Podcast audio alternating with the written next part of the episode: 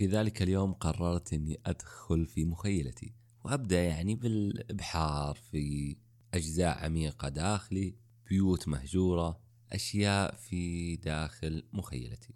فكان من ضمن البحث وجدت حارة. الحارة هذه مدخلها مظلم المنازل بداخلها مظلمة وأيضا لا يوجد بداخلها أي أبواب. يعني كانت آه، نوعا ما مخيفة. ولما جيت أدخل وجدت بدا يعني لقيت إن في شخص يتابعني يلاحقني يمشي وياي. وخلال دخولي لهذا بداية الحارة آه، اتجهت لواحد من البيوت إذا به كذا يركض يقول لا يمنعني من الدخول. قلت له ما بك يعني إيش تبي؟ فقال أتدخل بيتا ليس من حرمتك؟ قلت ترى كلامك لا يتفق مع الأساسيات والأشياء الصحيحة. فقاعد يجادلني يقول لا ممنوع. فقلت هذه هذه ممتلكاتي. هذه خيالاتي هذا عقلي هذا جميعه ومن ضمنهم أنت. فأنا من كونتك في مخيلتي. ماذا تريد؟ فيحاول أن يمنعني فأدفه كذا وأدخل البيت. طبعا أدخل البيت أجد أشخاص حزينين يعني الحين هو ما يعرف لأنه لا يدخل هذه البيوت.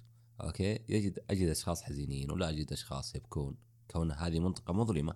فأطلع وأرجع إلى أساس الشارع أو بداية الحارة وأرجع أتوجه إلى منزل آخر.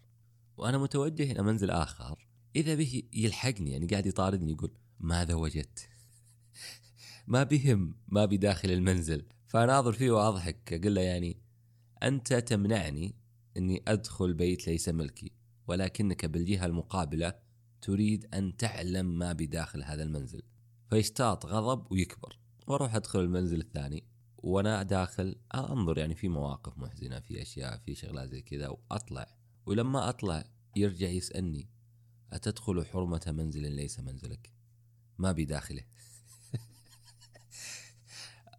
وقتها أضحك لأني هذا استغفر الله العظيم يعني يتعبث ويدعي الكرامة والشهامة والحب وكل شيء أصيل ولكنه في نفس الوقت تستلذ نفسه أن يعلم ما بداخل المنزل.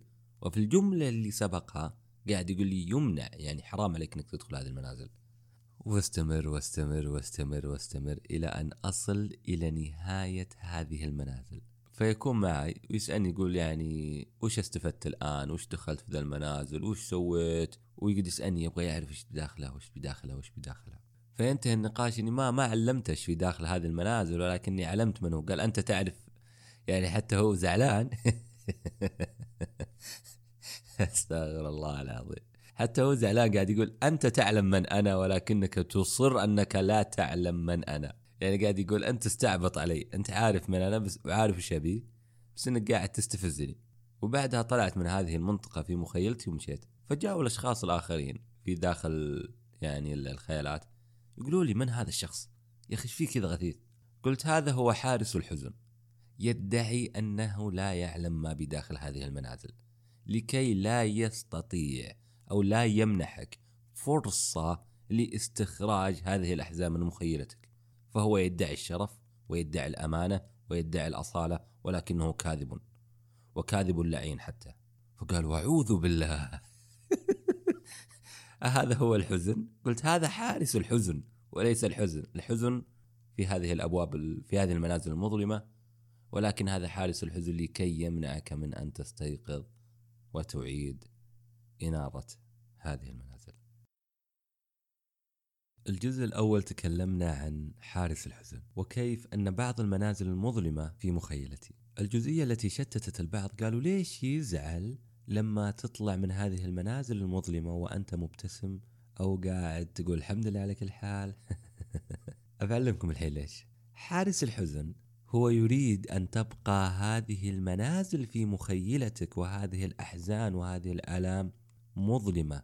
لا يريدك أن تتقبلها ولا يريدك أن تقول الحمد لله على كل حال ولا يريدك أيضا أن تتعايش مع هذه الآلام. لأن بمجرد أن تتعايش مع هذه الآلام وتعلم أن ما حصل هو قضاء وقدر سوف يفقد مهمته.